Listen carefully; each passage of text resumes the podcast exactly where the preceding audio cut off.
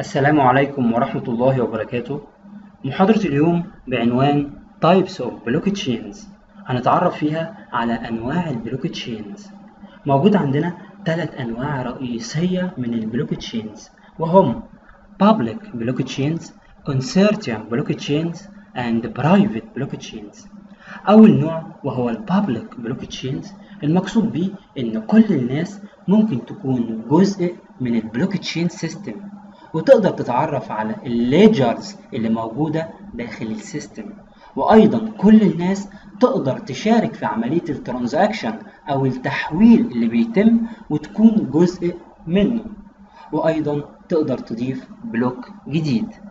ومثال على ال public blockchains هو البيتكوينز ومثال آخر الإثيريوم واتكلمنا عنهم في المحاضرات السابقة.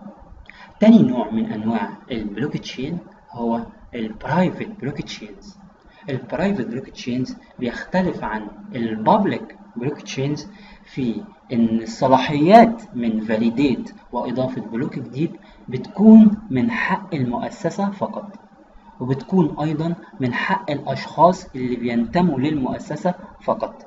وأمثلة على ال private blockchains هو المونكس and مالتي تشين يبقى إحنا كده اتعرفنا على ال public blockchains وتعرفنا على ال private blockchains وهما الاثنين يعتبروا عكس بعض إن ال public blockchains الأشخاص أو ال nodes بيكونوا جزء من ال system وبيتعرفوا على ال ledgers اللي موجودة داخل ال system ويقدروا يشاركوا في عمليات ال transactions اللي بتتم على عكس ال private blockchains ال private blockchains بيكون من حق المؤسسة والأشخاص اللي بينتموا للمؤسسة فقط الاطلاع على ال ledgers وعمل الصلاحيات من validate وإضافة block جديد.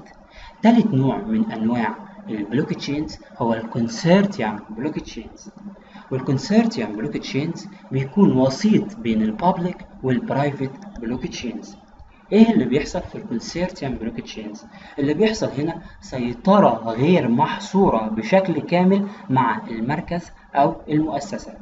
وبيكون موجود مجموعة من ال nodes يقدروا يتعاملوا معاها حتى لو كانوا مش من المؤسسة. بيكون أيضا لل nodes دي يا جماعة صلاحيات معينة من إضافة block جديد وعمل ال validate والإطلاع على ال ledgers.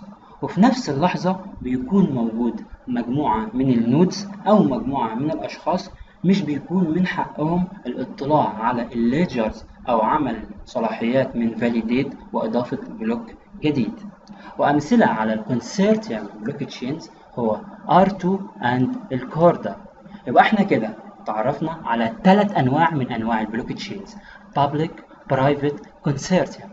وال consortium blockchains قلنا إن هي تعتبر وسيط بين ال public and private blockchains لأن هي بيكون موجود فيها two groups أو موجود فيها مجموعة من ال nodes يقدروا إن هم يعملوا صلاحيات معينة من validate وإضافة block جديد والاطلاع على ال ledgers وأيضا بيكون موجود مجموعة من ال nodes أو الأشخاص مش بيكون موجود ليهم أو مسموح ليهم بالصلاحيات دي.